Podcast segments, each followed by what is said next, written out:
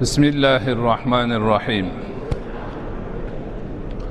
الحمد لله رب العالمين والعاقبة للمتقين والصلاة والسلام على خير خلقه محمد وعلى آله وأصحابه أجمعين. اللهم لا سهل إلا ما جعلته سهلا وإن شئت جعلت الحزن سهلا بقدرتك يا أرحم الراحمين. السلام عليكم ورحمة الله وبركاته. عزيز ومحترم مؤمن مسلمان برادرلر الله سبحانه وتعالى بعدد حمد سنالر بوسن كم مبارك رمضان آيينين avvalidan boshlab kunduzlari ro'za tutib kechalari taroveh namozlarida bedor bo'lib xatmi qur'onlar qilib mana yilning eng ulug' kechasi laylatul qadr kechasiga sog' salomat tinch omon yetib keldik. Bu kecha hammamizga ma'lumki boshqa kechalarga nisbatan ming oydan afzal bir kecha bo'lib bu kechada qilingan bedorlik ibodatlar yaxshi bir ishlarni savobi ulug'ligini hammamiz yaxshi bilamiz. Bu kecha qadr kechasi qadri ulug' kechadir. Bu kecha taqdir kechasi. Bandalarning bir yillik taqdirlari rizqi ro'zg'ilari belgilanadigan kechadir. Shuning uchun musulmon ummati o'zining dastlabki kunlaridan boshlab ramazon ro'zasini tutmoqlik farz bo'lgan yillaridan boshlab bu kechani doimiy ravishda iymon bilan e'tiqod bilan ixlos bilan bedor o'tkazish. Bu kechada nafl ibodatlarni ko'proq qilish qur'on darslarini qilish diniy ta'limotlarni o'rganishni yo'lga qo'yib kelgan. Alhamdulillah bu yil ramazoni sharifni avvalidan buyon o'tkazib kelayotganimiz ruhiy tarbiya qalb pokligi axloq sayqali mavzusidagi suhbatlarimizdan eng dolzarb bir suhbat. Hammamiz uchun kerak bo'lgan bir mavzu aynan shu kechaga ushbu muborak masjidni qavmiga to'g'ri keldi. Alloh subhanahu va taoloning o'zidan yordam so'ragan holimizda bid'at deb atalgan mavzuni qo'ldan kelganicha sizlarga bayonini qilishga harakat qilamiz. Avval mo'min musulmon odamning qalbi maqomatlariga to'g'ri kelmaydigan allohning go'zal ismlariga zid bo'lgan payg'ambarimiz muhammad mustafa sollallohu alayhi vasallamning axloqlariga xilof bo'lgan noqulay holatlarni maqomlarni sifatlarni nimalardan iborat ekanligi va ulardan kufr nifoq shirk fosiqlik va osiylik kabi yomon sifatlarni o'rganib ularni oqibatlarini gapirib o'tib ulardan qalbimizni qandoq poklashimizni ham o'rganib o'tdik. Bugun mo'min bandaning qalb maqomiga zid bo'lgan sifatlardan bittasi bid'at to'g'risida so'z yuritamiz. Har bir mo'min musulmon banda bid'at nima ekanligini bilmog'i va undan ehtiyot bo'lmog'i qalbini poklamog'i uni doimo o'zidan chetda bo'lishini harakatida bo'lmog'i lozim va lobuddir bid'at so'zi arab tilidagi so'z bo'lib lug'aviy ma'nosi yo'qdan bir narsani yangi paydo qilish va o'sha yangi paydo bo'lgan narsani o'xshashi yo'q bo'lishini anglatadi. Hozirda bir odam bir narsani o'ylab chiqargan bo'lsa yangitdan. Shu o'ylab chiqargan narsasi avvalda yo'q bo'lsa buni bid'at deyiladi arabchada. Lug'aviy ma'nosi shu. Yangitdan o'ylab chiqargan o'xshashi yo'q narsani bid'at deyiladi. Bid'atni shar'iy istilohdagi ma'nosi to'g'risida ulamolarimiz juda ko'p tortishishgan. Boshqa masalalarda ham tortishuv har kim o'zini fikrini aytish bo'ladi. Lekin hozirgacha ko'rib chiqqan sifatlarimiz ichida bid'atchalik ulamolarimiz ko'p tortishgan sifat yo'q ekan. Shuning uchun hozir hamma ulamolarni o'rganib chiqsak ham bid'atni shar'iy istilohi nima desangiz bitta ta'rif yo'q. Bitta ta'rif yo'q.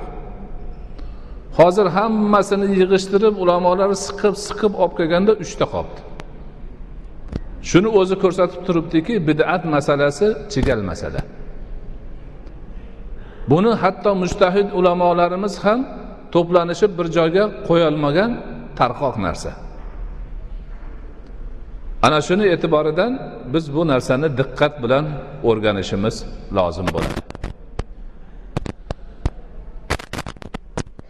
Bid'at nima degan savolga javob izlab uni shar'iy istilohini topishga harakat qilgan ulamolar mazhablarida ham aralashib ketgan.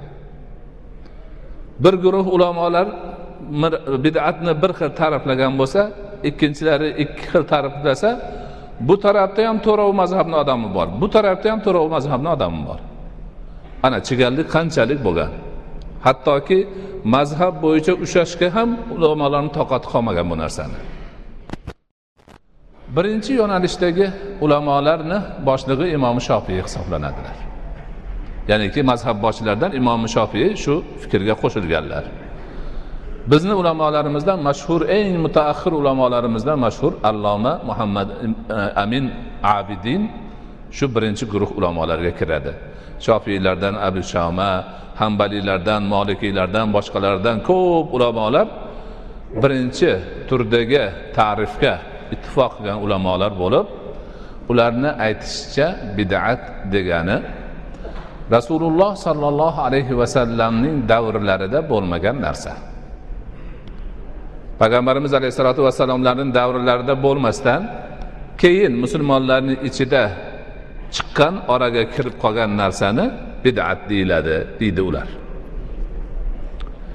Ikkinchi guruhda ham shu. Ularni boshlig'i imom molik ya'ni mazhab boshilaridan imom molik qo'shilib qolgan ularga. Bizni demak e, mazhabimizdan imomi badriddin ayniy qo'shilganlar yana bir ikkita imomlarimiz. Yana hambaliylar molikiylar shofiylar hammasi to'planib ular ham bir yo'nalishni demak tashkil qilishgan. Bu yo'nalishda ta'rifda imomi shotibiyni ta'rifini umumiy ta'rif deb olishgan. U kishi bid'atni ta'riflashda aytadiki bid'at shariatga o'xshatish uchun yangi dinda yangi paydo qilingan narsa bo'lib u ila ibodatni ziyoda qilishga uriniladi. Bu ham yetmay qolib ikkinchi ta'rifimiz ham bor degan bular nima desa bid'at dinda yangi paydo qilingan narsa bo'lib shariatga o'xshatishga uriniladi va uni undan murod shariatga yangilik kiritish. Ikkita ta'rif. Birinchi ta'rifda ibodat. Faqat ibodatdagina bid'at bor degan ma'no chiqadi. Ikkinchisida shariatda deganda muomalatda ham bid'at bor degan gap chiqadi. Demak bu taraf tor olgan ekan. Ikkinchi taraf bid'atni ma'nosini tor olgan ekan. Bid'at deb ularni tushunchasida faqat dinni javhariga tegadigan narsada yangi paydo narsa bo'lsa o'shani bid'at deyilar ekan. Dinni asliga dinni asosiga dinni javhariga taalluqli bo'lgan keyin paydo bo'lgan yangi narsani bular bid'at deyishar ekan. Ana birinchi guruh rasulullohdan keyin chiqqan nima bo'lsa? U aqidadami shariatdami muomaladami odobdami boshqadami nima yangi bo'lsa uni bidat deyishaverar ekan. Endi mana shu ikkovi ta'rifni hozir bir guruh odamlar bir toifa bor olgan ta'rifni ta'rifni. Birinchi guruhdan olib rasululloh davrida bo'lmagan narsa bidat deyishadi. Hukmni bu tarafdan olishadi. Ya'ni har bir bidat zalolatdir va har bir zalolat do'zaxdir degan qoidani bunga urishadi. Mutlaqo noto'g'ri bu narsa. Chunki rasululloh sollallohu alayhi vasallamni davrida bo'lmasdan keyin paydo bo'lgan bid'at narsani bid'at degan ulamolar bid'atni demak dalilini keltirishadi. o'z Öz o'zidan aytishayotgani yo'q bular dalillari bor shu gaplarini aytishiga shundan mashhur hadis bor payg'ambarimiz alayhissalotu vassalom aytadilarki man sanna fil islami sunnatan hasanatan va amila biha وعمل بها فله أجره وأجر من عمل به من دون أن ينقص من أجرهم شيئا ومن سن سنة ومن سن في الإسلام سنة سيئة وعمل بها فله أجره وأجر من عمل فله وزره ووزر من عمل به من دون أن ينقص من أوزارهم شيئا. Payg'ambarimiz alayhissalotu vassalom aytadilarki kim islomda bir yaxshi sunnat paydo qilsa va o'shanga amal qilinsa o'sha paydo qilgan kishiga o'zining ajri ham beriladi va unga amal qilganlarni ham ajri beriladi lekin u amal qilganlarni ajri bunga olib berilmaydi. Ularga o'zi ajri turaveradi lekin bunga o'shani ajricha ajr beriladi.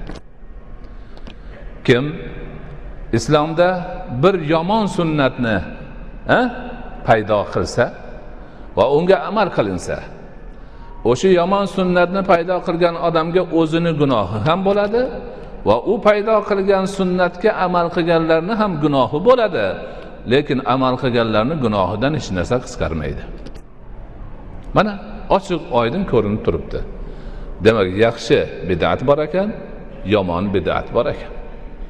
Yaxshi bidat qilganga ajr savob bor ekan. Unga amal qilganlarni ajridan ham bunga mislicha berilib turar ekan. Yomon bidat bor ekan. Ana uni demak paydo qilganni o'ziga gunoh yozilar ekan. O'sha paydo qilgan sunnatiga yomoniga amal qilganlarni gunohidan ham bunga o'sha mislcha yozilib turar ekan.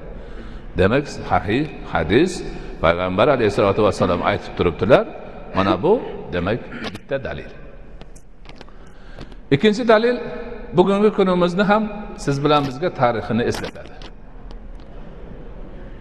Bu dalilni muhaddis ulamolarimiz xalifa hazrati umar ibn xattob roziyallohu anhuning xazinadorlaridan xazinadorlaridan rivoyat qilinadi. Ibn abdin al qoriy aytadilarki bir kuni davlatni ishini tugatib umar ikkovimiz kechqurun tashqariga chiqdik. Ramazon edi. Payg'ambar alayhissalotu vassalomni masjidlari oldidan o'tib qoldik. Qarasak kimdir o'zi namoz o'qiyapti.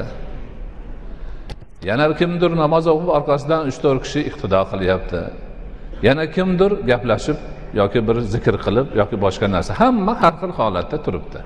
Ramazon kechasi. Shunda hazrati umar to'xtab turdida bularni bir qorini orqasiga to'plamasak bo'lmas ekan. Dedida ertasiga ubay ibn kab roziyallohu anhuni chaqirib u kishiga tayinlab masjidni yaxshi supurib tozalab qandillarini yoqib chiroyli holga keltirib odamlarga bugungi kundagiga o'xshagan xatmi qur'on qilib berishni topshirdilar. Shuning uchun butun ummat hazrati umarni duo qiladi doim. Hazrati ali duo qilganlar. Alloh taolo umar bizni masjidlarimizni qanday yoritgan bo'lsa uni qabrini shunday yoritsin deb duo qiladilar. Haligi narsa joriy bo'lib yo'lga tushib qolgandan keyin yana bir kun haligi odam bilan xazinador bilan hazrati umar chiqib kelib hazrati umar ko'rsalar ubay ibn kab roziyallohu anhu chiroyli qiroat bilan xatmga o'tyaptilar. Qolgan hammasi chiroyli bo'lib iqtidoda tik turib somiy bo'lishyapti. Shunda aytganlar ne'matil bidati hadihi. Mana u qandayyam yaxshi bidata odamlar haligi holidan ko'ra bunisi yaxshi emasmi? deganlar. Mana shu demak hazrati umarni shu gaplari ham bidati hasana borligiga dalil bo'ladi. Haligi ulamolarimiz mana shu dalilni olishib kelgan. Yana bitta hadis bor. Unda ham e, urva ibn zubayrman deydilar. Roviy ikkovimiz masjidga kirdik rasulullohni masjidlariga kirdik. Borsak abdulloh ibn abbos roziyallohu anhu oysha roziyallohu anhoni hujralarini yonida o'tirgan ekanlar. Choshgoh payti edi. Qarasak odamlar jamoat bo'lib zuho namozini o'qishyapti. Hayron bo'ldikda bularni namozi nima bo'ldi desak bidat dedilar. Zuho namozini jamoat bo'lib o'qish yo'q. U qavm endi shuni bir xohlab o'qishyapti ekan. Savobi ko'proq bo'ladi degan umidda bo'lsami boshqami? Lekin ulkan sahobiy indamay o'tiribdilar qarab. Birov so'rasa bidat deyaptilar demak rozi bo'lib bidat deyaptilar. Mana mana shunga o'xshagan narsalar bilan ulamolar aytadiki bidat to'g'risi ham bor noto'g'risi ham bor. Narigi ikkinchi bidat ta'rifini tor olgan faqat dinni aslida javharidagi narsagina bidat bo'ladi degan ulamolarni ham nima? Dalillari bor. Dalillari bor o'sha dalillarini keltirishadi. Mazkur dalillar ikkita hadis. من أحدث في أمرنا شيئا ما ليس منه فهو رد. ديرغان باشكا بر حديث شر الأمور محدثاتها كل محدثة بدعة وكل بدعة ضلالة وكل ضلالة في النار. birinchi hadisda aytiladiki payg'ambarimiz alayhissalotu vassalom bizni bu ishimizda ya'ni dinimizda undan bo'lmagan narsani kim paydo qilgan bo'lsa uni ishi rad qilinadi deyilgan. Ikkinchi hadisda ishlarni eng yomoni yangi paydo bo'lganidir. Har bir yangi paydo bo'lgan narsa bid'atdir. Har bir bid'at zalolatdir va har bir zalolat do'zaxdir deyilgan. Bu hadislar haqiqatdan dinni javharida. Ayni aslida o'zgartirish kiritish uchun qilingan urinishga to'g'ri keladi. Shuning uchun mazkur keng olib payg'ambar alayhissalotu vassalomni davrida bo'lmagan narsa bid'atdir degan ulamolarimiz bid'atni bir necha qismga bo'ladilar. Birinchi qism deydilar vojib bid'at. Ya'ni qilmasa bo'lmaydigan. Qilmasa musulmon ummati farzi kifoyani tark qilgan sifatida gunohkor bo'ladigan bid'at. Bunga misol bormi? Qaysi narsani shunaqa deymiz? Desa aytishadiki arab tili qoidalarini o'rganish ilmi shu. Chunki bu qoidalarni bilinmasa qur'onni bilinmaydi sunnatni bilinmaydi shariatni bilinmaydi. Musulmon ummatidan bir guruhi chiqib nahu sarb arab tili qoidalarini o'rganib qur'onni sunnatni shariatni tushunib xalqqa gapirib berib turibdimi? Shu yetadi. Agar hech kim o'rganmay qo'ysa unda ummat hammasi gunohkor bo'ladi deyishadi. Payg'ambar alayhissalotu vassalomni davrlarida hamma arablar sof tabiatli arablar bo'lgan. Gapi o'zidan o'zi to'g'ri chiqavergan. Qur'onni shunday eshitish bilan tushunavergan. Hadisni shunday eshitish bilan chunki ularni o'zini iste'dodi shunaqa sof tabiatli arab tilini onadan tug'ilganda qo'shilib tug'ilganday bilishavergan. Keyinchalik payg'ambar alayhissalotu vassalomni vafotlaridan keyin islom keng tarqalib arab mast xalqlar ham musulmon diniga kirib arablarni o'zi ham boshqalar bilan aralashib tilini unutib qoidaga muhtoj bo'lib qolganda hazrati alini davrlarida arab tili qoidalarini shakllantirish boshlangan. Ana endi shu ilmlarni o'rganish shariatni o'rganishga kerak bo'lib qolgan.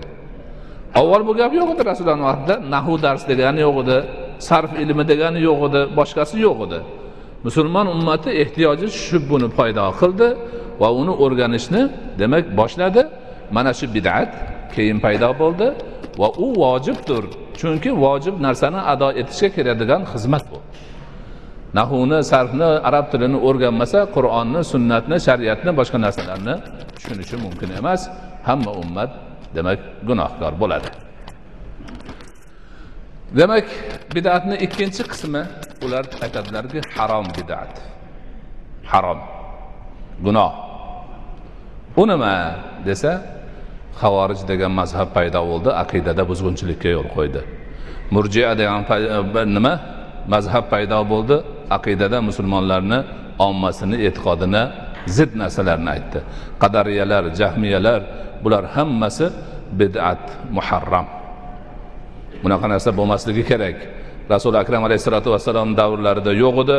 Hozir ham yo'q bo'lishi kerak chunki musulmonlarni zalolatga ketkazyapti bular deyiladi. Ana undan keyin mandub bid'at mustahab bid'at bor ekan. Bular nima desa bularni bitta misoli madrasalarni tashkil qilish. Avval madrasa degan narsa bo'lmagan. Rasulullohni vaqtlarida masjiddan boshqa hech narsa bo'lmagan.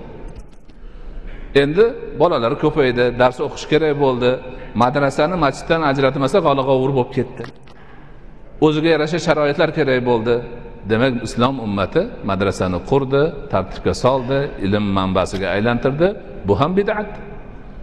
Rasuli akram alayhissalotu vassalom davrlarida yo'q edi. Lekin endi paydo bo'ldi. Lekin bid'at bo'lganda yaxshi bid'at. Ilmga ma'rifatga islom ummatini taraqqiyotiga xizmat qilyapti deyiladi.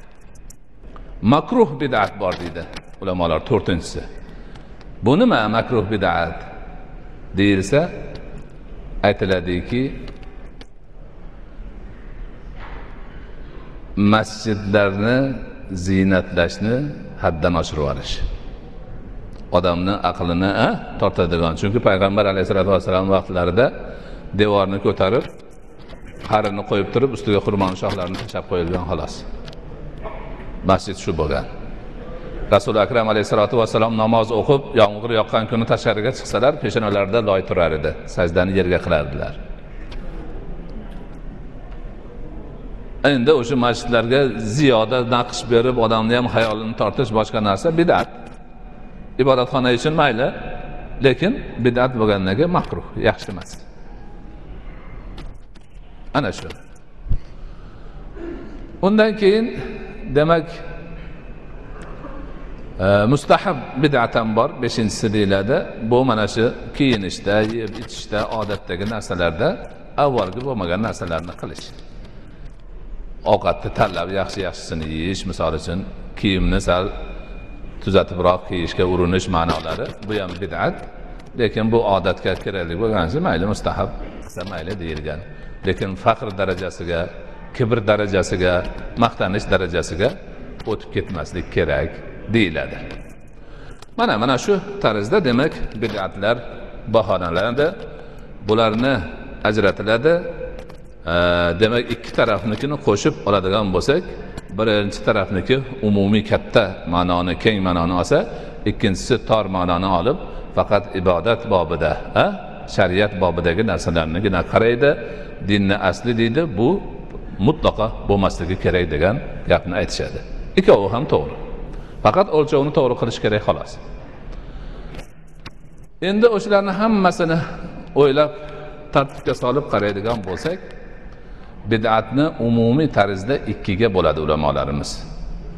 E'tiqod masalasidagi bid'atlar va e'tiqodga bog'liq bo'lmagan a, ibodat va odatlarga bog'liq bid'atlar. Aqidaviy bid'at demak e'tiqod masalasida e'tiqod masalasida rasuli akram alayhissalotu vassalomning davrlarida bo'lmagan buzg'unchi e'tiqodlarni chiqarib mo'min musulmonlarni faromish xotir qilib ularni tashvishga soladigan narsalar. Ular dastlab hazrati alini davridagi havorijlarda paydo bo'ldi. Havorijlar mo'min musulmonlarni aqliga kelmagan narsalarni e'tiqod darajasiga ko'tarishdi. O'zlariga yoqmagan odamlarni qilgan amali uchun kofirga chiqarishdi. O'ziga yoqmaydida shuning uchun kofir uradi. Ularni qoni halol deyishdi.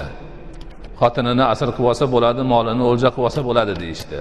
Va shuni orqasidan juda katta islom ummatini aqidasini dars keltiradigan darajada dahshatlik narsalarni o'ylab chiqarishdi. Shuning uchun ko'pchilik ularni kufriga fatvo bergan ularga qarshi urushishni hazrati ali o'zi hazrati rasuli akram sollallohu alayhi vasallamning hadislaridan dalil keltirib vojibligini e'lon qilib ularga qarshi o'zlari jangga chiqdilar. Murjia degan gaplar chiqdi. Murjialar xorijiylarni teskarisi ularga bilan tortishganlar. Xorijiylar ikki so'zni birida musulmonni kofir qilaveradi. Bular ularga qarshi bo'lib iymoni bo'lsa bo'ldi qolgani kofir bo'lmaydi deydi. Bu ham noto'g'ri. Bu ham noto'g'ri. Hatto ular la ilaha illallohni aytmasa ham ichida bo'lsa bo'ldi degan. Bu mutlaqo noto'g'ri gap. La ilaha illallohni aytib qo'yib boshqa ishni qilmay yuraverdi deyishi ham bor. Bu ham mutlaqo noto'g'ri. Demak bu ham demak katta bidat buzg'unchi bidat harom bidat. Uni qilgan odam do'zaxga tushadigan bidat. Jahmiylar chiqdi jabriylar chiqdi mo'taziliylar chiqdi. Hammalari ana shunaqa aqida bobida buzg'unchilikka sabab bo'ladigan ma'nolar chiqdi. Ana shu ma'noda demak ahli sunna va jamoani aqidaviy mazhab shaklida shakllanishiga ham o'sha buzg'unchilar sabab bo'lgan. Ha deb o'zlarini gapini aytavergandan keyin bir tarafda imom al maturidiy bir tarafda imom abul hasan ashariylar chiqib shogirdlari bilan ahli sunna va jamoani aqidasi nimadan iborat ekanligini saralab ilm qilib tarqatdilar asos soldilar kitoblarini yozdilar. Ana shu asos bo'lib qoldi. Butun islom ummati shunga mahkam ushadi. Hozirgi kunda demak kim ahli sunna va jamoani aqidasida tursa inshaalloh aqidaviy bidatlardan xalos bo'ladi. Unga qarshi chiqdimi? Demak qarshi chiqqanda bidatchi bo'ladi va aqidada bidatchi bo'lishlik nihoyatda katta xatar bo'ladi. Nihoyatda katta xatar. Din uchun diyonat uchun bidatchini o'zi uchun. Shuning uchun qadimdan ulug'larimiz bidatchilarga aqida bobidagi bidatchilarga qarshi qattiq turishgan. Hazrati umar ibn hattob roziyallohu anhuning davrlarida misr tarafda as subayg degan odam bir chiqqan. Iroqlik ekan o'zi asli ismi subayg ekan ibn asil ekan. Askarlarni ichida yurar ekanda ko'pchilik tushunmaydigan oyatlarni o'qib bu nima degani? Ha bilmaymiz. Bilmasang bilib qo'y deb o'zini gapini aytar ekan. Odamlarni tashvishga solib aqidasida shak shubhaga tushirish ma'nolari bo'lib qolgan ekan. Bu gap tarqagandan keyin u yerning amiri amir ibn as roziyallohu anhu xalifa umar ibn xattob roziyallohu anhuga maktub yozibdilar. Bir subay degan odam chiqdi. Askarlarni ichida yurib mana shunaqa gaplarni tarqatyapti u deyapti bu deyapti deb namunalardan yozganda hazrati umar maktubni o'qib turib u kishiga ya amir mani maktubimni qo'lingga olishing bilan birinchi karvonga qo'shib subay degan odamni mani oldimga yubor deganlar u kishi maktubni olgandan keyin birinchi karvonga qo'shib maktub qilib yuborganlar. Karvonboshi olib kelib madina munavvarani karvonsaroyiga karvonini tushirib haligi subayni ham biriga o'tkazib qo'yib o'zi hazrati umarni oldiga kirganlar. Kirib salom berib maktubni berganda qarab turib bu odam qani? deganlar. Yuklar bilan karvonsaroyda turibdi. Tezda olib kel agar qochib ketgan bo'lsa sani o'zingni rasvo qilaman deganlar. Sani o'zingni jazolayman. Tezda olib kel deganlar. Borsa bor ekan. Yur deb olib kelganlar o'tirib ho'p qani nima deyapsan? Deganlar. U endi keyin o'zini safsatasini aytgan. Aytganda roviyga hazrati umar o'zini ozod qilgan qullariga odam chiqargan. Bitta xurmoni shoxini olib kel deganlar. Katta xurmoni shoxini olib kelib san boshing aynib qolibdi bola deganlarda rosa kaltaklatganlar hamma yog'idan qon chiqquncha urg'izib olib borib qamashib qo'ygan. Yaralari bitgandan keyin yana olib chiqib yana urganlar. Yana olib chiqib qo'ygan. Uchinchi marta urib to'rtinchisiga kelganda haligi odam subayq o'zi aytgan ey amiral mo'minin agar mani o'ldirish niyatingiz bo'lsa bir yo'li o'ldirib qo'yavering. Agar tuzalishimni xohlayotgan bo'lsangiz man tuzaldim bo'ldi. degan. Ho'p unaqa bo'lsa o'tir bu yoqqa deganlarda iroqingga ketasan o'zingni yurtingga deb xat yozib berganlar. Iroqni voliysi abu musa al ashariyga shu xatni olib borgan palonchi pistonchi bidatchi. U bilan hech kim o'tirmasin gaplashmasin aralashmasin deb hammasini tayinlab bergan. Olib borib abu musoga berganlaridan keyin u kishi xalqqa e'lon qilgan. Haligi subay yuz kishi gaplashib o'tirgan joyga borib o'tirsa yuzi o'tirib ketavergan odamlar. To'rt kishi o'tirgan joyga borsa to'rtovi o'tirib ketavergan. Umuman hech kim gapirmagan. Bir yil shunaqa qilib yurgan. O'zi bir obro'li oilani odami ekan. Butun xalq umuman u bilan gaplashmay qo'ygan salom olmagan birov salom bermagan. Shunaqa ta'zirini yeganki hech iloji yo'q. Bir yil o'tgandan keyin hazrati abu muso al ashariy hazrati umarga yana xat yozganlar. Xat yozib bu subayr ibn asilni holi o'zgardi yaxshi bo'ldi. Bir yil davomida bidatidan biror gapni biz eshitmadik degan ma'noda bo'lsa kerak xat yozganlarida keyin hazrati umar bo'pti endi odamlar gapiraversin deganlar. Ya'ni bidatchini shu darajada jazolangan. Rasuli akram alayhissalotu vassalomni o'zlarini hadislari bor xuddi shunaqa qilish to'g'risida. Mana shu tarzda bidatchilarga qarshi kurashilgan. Sarafi solihlarimiz sahobalar ulamolarni davrlarida mana shu kabi ishlar yo'lga qo'yilgan. Shuning uchun biz bu narsani juda yaxshi tushunib olishimiz kerak. Bidatni oson sanamasligimiz kerak. Ana endi e'tiqodiy bidatlar to'g'risida ulamolarimiz ittifoq qiladiki agar bir odam ahli sunna va jamoa e'tiqod qilib turgan mutavotir dalil bilan sobit bo'lgan asosiy aqoidlardan bittasiga qarshi chiqsa inkor qilsa yoki qo'shimcha qilaman desa kofir bo'ladi. Ahli sunna va jamoa e'tiqod qilib turganu sobit bo'lishi ohad mutavotir emas kuchli emas ohad asarlar bilan rivoyatlar bilan bo'lgan e'tiqodni inkor qilsa yoki boshqacha gap aytsa fosiq bo'ladi. Misol uchun azobi qabrni. Azobi qabrni ahli sunna va jamoa hammasi sobit deydi. Bu dunyoda gunohkor bo'lsa banda dafn bo'lgandan keyin qabrida azob bor deydi. Ba'zi birlar yo'q bu nima? Ohod hadisi bilan bo'lgan u bu degan safsatani aytishadi. Ana shular ahli sunna va jamoa ijmo qilgan aqidaga qarshi chiqqanlari uchun fosiq deb e'lon qilinadi. Mana mana shu ma'noda biz aqida bobidagi bidatlardan nihoyatda ehtiyot bo'lishimiz kerak. Ahli sunna va jamoani aqidasini qisqachasi bo'lsa ham matnlari bilan o'rganib olib shuni dalilini bilmasak ham mahkam ushlab borishimiz kerak. Ho'p endi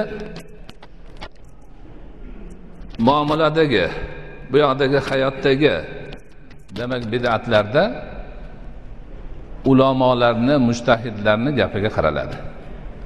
Hammasi ijmo bo'lib bu narsa bidatdir degan bo'lsa uni qilgan odamni demak qoralanadi bidatchi deb e, muomalasini qilinadi tanqid qilinadi to'g'ri yo'lga boshlashga harakat qilinadi. Ulamolar o'zlari ixtilof qilgan masalalar bo'lsa bir oz endi bu narsa yengilroq bo'ladi. Shuning uchun biz bidatlardan nihoyatda ehtiyot bo'lishimiz kerak. Ulamolarimiz aytadiki mo'min musulmonlarni ichida turli bidatlarni tarqalishini sabablari nima? Nima sababdan bu bidatlar tarqaydi? Mutaxassis ulamolarimiz aytadilarki bidatlarni mo'min musulmonlar ichida tarqalishining asosiy sabablaridan biri ilmsizlikdir. Qur'oni karimni bilmaslikdir. Payg'ambar alayhissalotu vassalomni sunnatini bilmaslikdir. Allohni shariatini keragicha bilmaslik oqibatida sunnatni qo'yib bidatga yurish paydo bo'ladi. Bu ikkita uchta sababi. Keyin yana ulamolarimiz aytadiki ehtimol qur'onni ham bilar sunnatni ham bilar shariatni ham bilar lekin islom to'la to'kis mukammal ta'limot ekanligini uni nuqsoni ham ziyodasi ham yo'qligini bilmaydi. Hamma narsa islomda bor qiyomatga javobini beradi mani izlab topay demaydida e bu yerda gap kelmagan ekanda man o'zim o'ylaydi bir gapni chiqaradi. Bidat. Haligi bid'atni chiqishiga bid'at egasini islom to'la to'kis tugal mukammal ollohni ta'limotlar tizimi ekanligiga ishonmasligi sabab bo'ladi. Bu ham og'ir musibat hisoblanadi. Yana bir sababi qur'oni karim oyatlari bilan payg'ambar alayhissalotu vassalomni hadislari orasida zid kelish yo'q xiloflik yo'qligi hammasi bir biriga muvofiq ekanligini tushunib yetmagan odamlar mana shu narsalarni o'ylab chiqaradi deydi ulamolarimiz. Bid'atni tarqalishiga urchishiga odamlarni o'rtasida demak o'rnashib qolishiga sabab bo'ladigan eng asosiy narsalardan biri ko'r ko'rona urf odatlarga berilish bo'ladi. Ayniqsa bizni hozirgi sharoitimizdagi bid'atlarni hammasi deyarli sakson foizi shundan iborat. Allohni kalami turibdi aytsang yo'q bizni odamlar uyat qiladi deydi.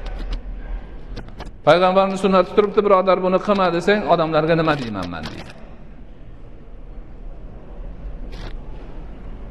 Odamlarni gapini ollohni gapidan ustun qo'yadi.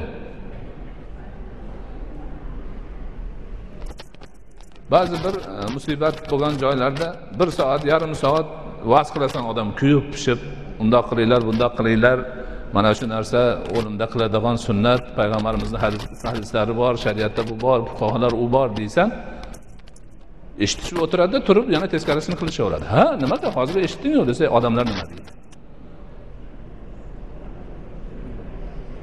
To'y to'lqinlarda ham shu. Sunnat turibdi aytasan tushuntirasan yozib qo'ygansan yo'q odamlar nima deydi deydi. Hamma narsani olib kelib shunga taqalaveradi. Taqalaveradiki odamlarni gapidan hadiksirash bor. Ollohni gapi esga olinmaydi. Ollohning azobi yodga olinmaydi. Qalbini mag'or bosishi xayoliga ham kelmaydi. Faqat odamlarni gapini o'ylaydi. Nima bo'lsa bo'lsin urfi buzilmasin odati buzilmasin odamlar qilganini qilmay qolmasin. Otam qilgan deyish ham shundan. Otam qilgan edi man ham qilishim kerak. Ehtimol otang noto'g'ri qilgandir. Shariat bunaqa bo'lmayapti ko'r qara. Undan keyin aytadi ulamolarimiz buzuq tasavvuf ham shunga sabab bo'ladi. Hozir tasavvufni davo qilayotgan kishilarda ko'pgina sunnatga xilof narsalar to'lib yotibdi yaqinda yaqinda desam sal nima bo'ladi? Bir yil yarim yil yarim yilcha oldinroq to'rtta shu toshkentlik yigitlar kirishdi. Tasavvufdaliklari ko'rinib turibdi o'zi tashqarilaridan bergan savollari shu bo'ldiki taqsir birovga shayx sifatida bay'at qilib qo'ysa keyin bay'atini qaytarib olsa bo'ladimi? Dedim bo'ladi. Dedi chunki ulamolar aytgan bu shayxlarga qilayotgan bay'at u haligi katta bay'at emas bu. Siz nimaga bunaqa deyapsiz desam biz ham bilmasdan bay'at qilib qo'ygan ekanmiz qarasak sunnatga xilof shariatga xilof e'tiqodga xilof narsalar ketma ket chiqyapti. Eng kichkinasini aytsam deydi asrdan keyin hammasi nafl namoz o'qiyveradi deydi. E asrdan keyin nafl namoz o'qib bo'lmaydi desa azizimiz aytganini eshitib turaveradi. Azizing bilmagandirlar bu yoqda sunnat turibdi shariat turibdi hamma yerda yozib qo'yilgan desa yo biz o'shani aytganini qilamiz. Qazo namozni shayxga qo'l berib bayat qilsa o'qimay qo'ysa ham bo'laveradi gunohi kechirildi. Yo'q e unaqa emasdir. Yo'q azizimiz aytganlar. U mayli aziz aytgandir lekin payg'ambar aytgan narsa bor shariatni hukmi bor. Bitta ilmligiga aytdim man. Ho'p boshqalar ilmsiz ekan shuni qilyapti siz nimaga unaqa qilyapsiz? Siz o'qigansizku. Bilasiz o'qimagan bo'lsangiz hozir kitob olsangiz qudratingiz yetadi o'qishga. Desam ular kattalarni ko'rgan ehtimol ular o'shalari kattalari o'lib ketganlari dalili bo'lsa kerak deydi. Gapni qarang mana bidat.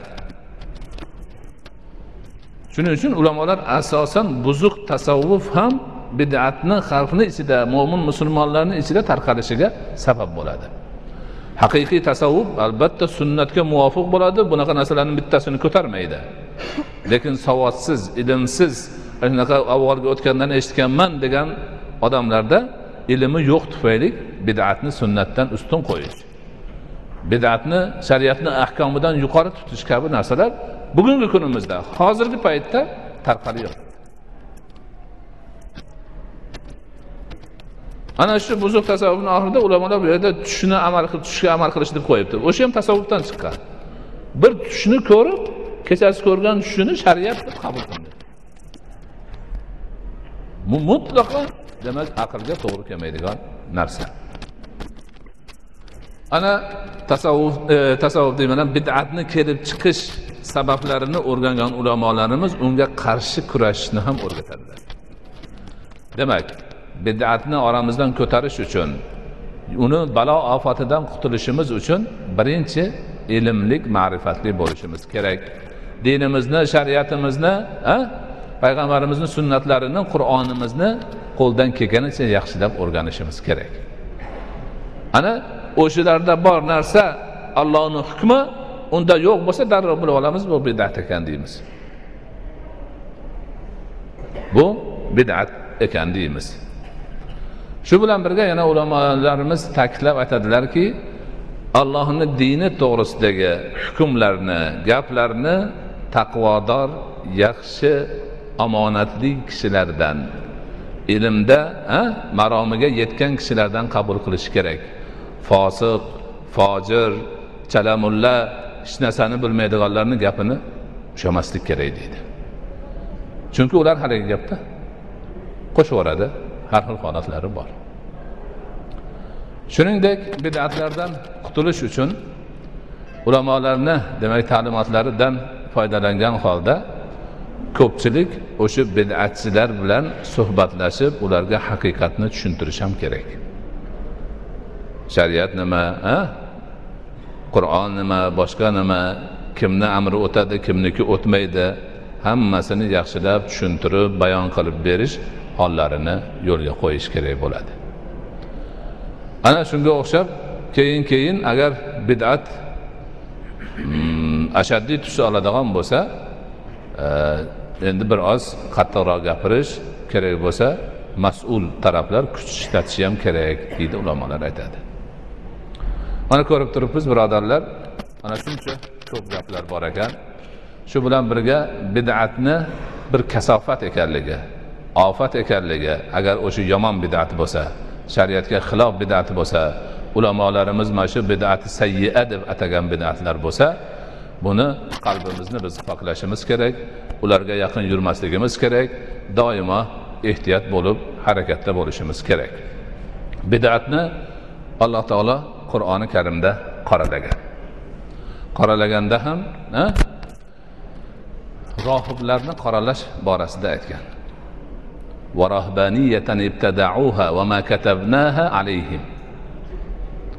Ya'ni iso alayhissalomga ergashganlarni qalbiga alloh taolo yumshoqlikni rahmatni solgan. Yaxshi odamlar bo'lishgan. Iso alayhissalomni ta'limotlarida yurgan paytda o'sha rahmat shafqat o'z ishini bergan hamma ularga havas qilgan. Lekin vaqt o'tishi bilan ular rohiblikni bid'at tariqasida o'ylab chiqarishdi. Ya'ni tarki dunyochilikni. Ularda o'sha rohib bo'lgan odam uylanmaydi ayol erga chiqmaydi monastir degan alohida ruslar aytadigan ibodatxonasiga borib yashashadi.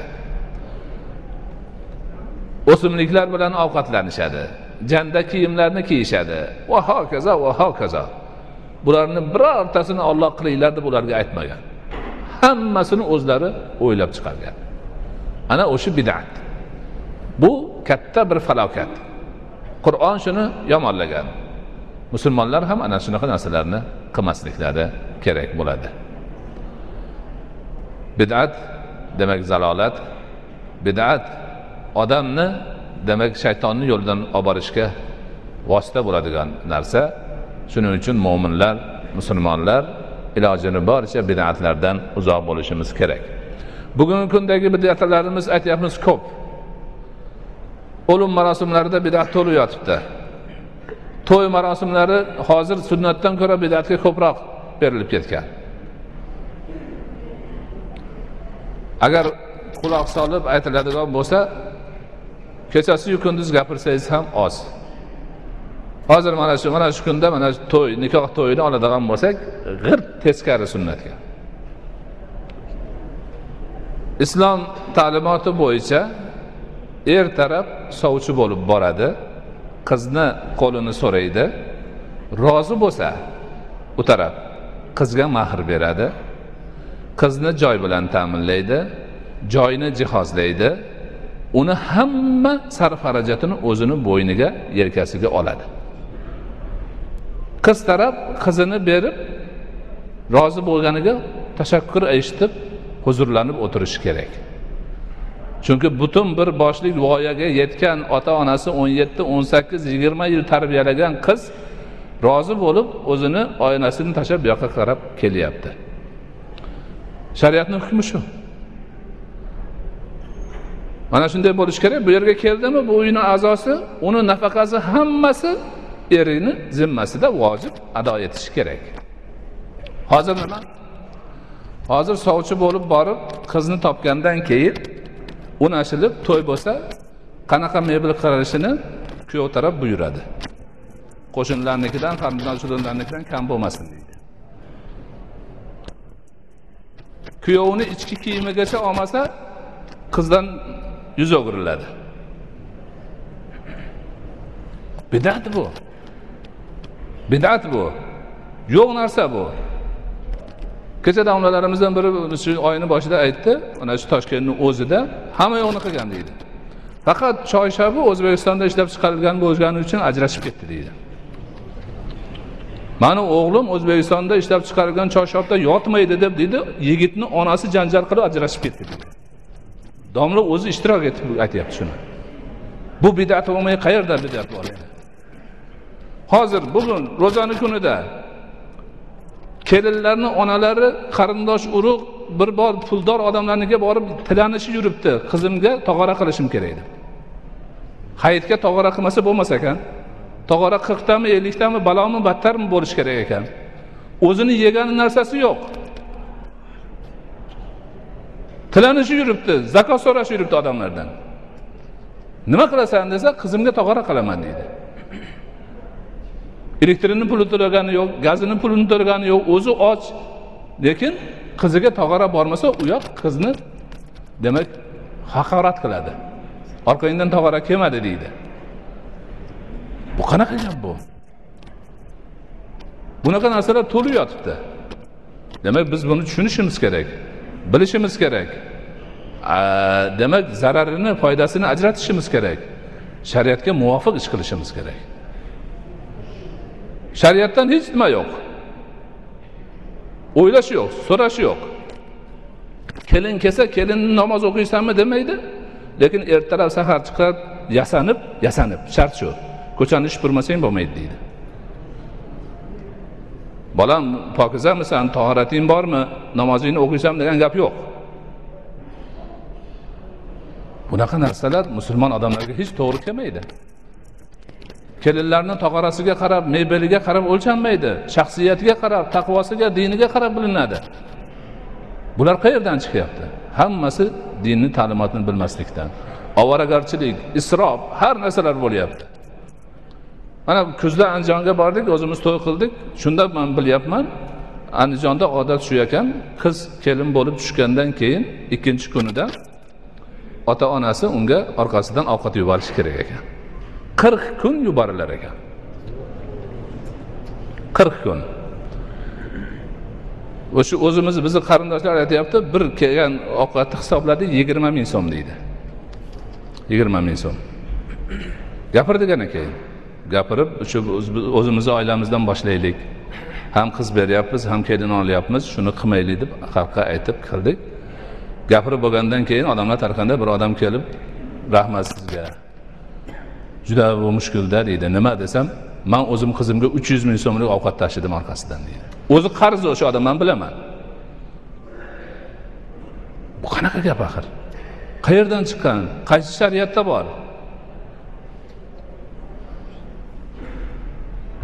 Mana shu narsalarni biz tushunib ayniqsa mana shu yerda o'tirganlar hammalaringiz dindor yaxshi insonlarsizlar avvalo o'zimizda tadbiq qilaylik shuni. Keyin o'zimiz e, gapimiz o'tadigan oilalarimizda qilaylik qo'ni qo'shni qarindosh urug'larda qilmasak qayoqqa qarab ketamiz biz? Nima bo'ladi? Manga ayollar aytyapti hozir deydi o'sha boshqa yoqlarga borib madikor bo'lib yurgan ayollarni ko'pini so'rasangiz qizimga tog'ora qilaman deb aytadi deydi. Moskvadan bir tatar ayol bizga mehmon bo'lib kelib gapirib beribdi. Eng iflos joylarda ishlayotgan ayollar bilan borib gaplashsang qizimni turmushga chiqarmoqchi edim palon o'qimoqchi edim ilojim yo'q shu yerga keldim deyapti. Deydi bu nima degan gap axir? Faqat to'y faqat azada emas boshqa yoqda ham bunaqa narsalarimiz to'lib yotibdi. Shariatimiz o'zi ko'rsatib qo'ygan bo'lsa isrofni harom qilgan bo'lsa takabburlikni xo'jako'rsinlikni harom qilgan bo'lsa endi buni kim qiladi bunaqa qilib? Buni kimdir boshlashi kerak kimdir qilishi kerak. Man doim misol qilib keltiraman bundan o'n besh yigirma yil oldin toshkentda boshqa hozir boshqa viloyatlarda bor savollarda kelyapti. Bir odam vafot qilsa ovqat qilishni boshlashar edi. Dafn qilib kelsangiz osh tayyor turar edi. Shuni ulamolar aytdi aytdi. Hozir toshkentliklar eslay olmayapti yoshlar bilmaydi shunaqa ovqat qilish borligini. Alhamdulillah chiroyli go'zal bo'lib qoldi. Sunnatga muvofiq shariatga muvofiq harom xarj gap yo'q. Ta'ziya chiroyli o'tyapti. Ana xayr ehsonni bo'lsa keyin qilaversin. Unda ham isrof qilmasin. Yigirma yetti qirq demasin shariatga muvofiq qilsin. Aytmoqchimanki bo'lar ekan shuni qilsa o'sha vaqtda gapirganimizda ko'pchilik e qilolmaysizlar buni nechi marta bo'ldi urindi fatvolar chiqqan bo'lmagan degan lekin alhamdulillah bo'ldi. Aqiqa masalasi ham shu. Aqiqani o'rniga boshqa har xil narsalar bo'lar edi. Alhamdulillah hozir yurib qoldi. Shuning uchun bid'atlarni shariatga xilof narsalarni bilib aniqlab demak shularni chegaralab shularga qarshi kurashishimiz kerak. Bunda ahli ilmlarimiz imom domlalarimiz mahallani oqsoqollari katta kishilar hammalari birgalashishlari kerak. Kimnidir demak kuchi yetib qilgan bo'lsak lekin ko'pchilikni bunga imkoni yo'q. Hamma narsalarni demak shunaqa tarzda biz yo'lga qo'yishimiz kerak. Ana shunda bid'at degan noshar'iy ishdan biz qutulamiz.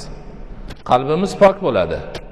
Sunnatga amal qilamiz. Bu bid'atga chertgandan keyin albatta sunnatga amal qilinadi. Gunohni o'rniga savob olinadi. Mana shu haqiqatni biz bilishimiz kerak amal qilishimiz kerak manfaatlanishimiz kerak. Alloh subhanahu va taolo barchalarimizni bid'at xurofatlardan o'zi asrasin dinini yaxshi o'rganib shariatni ahkomlariga to'g'ri amal qilib payg'ambarimiz alayhissalotu vassalomni sunnatlariga ergashib borishimizni nasib qilgan bo'lsin.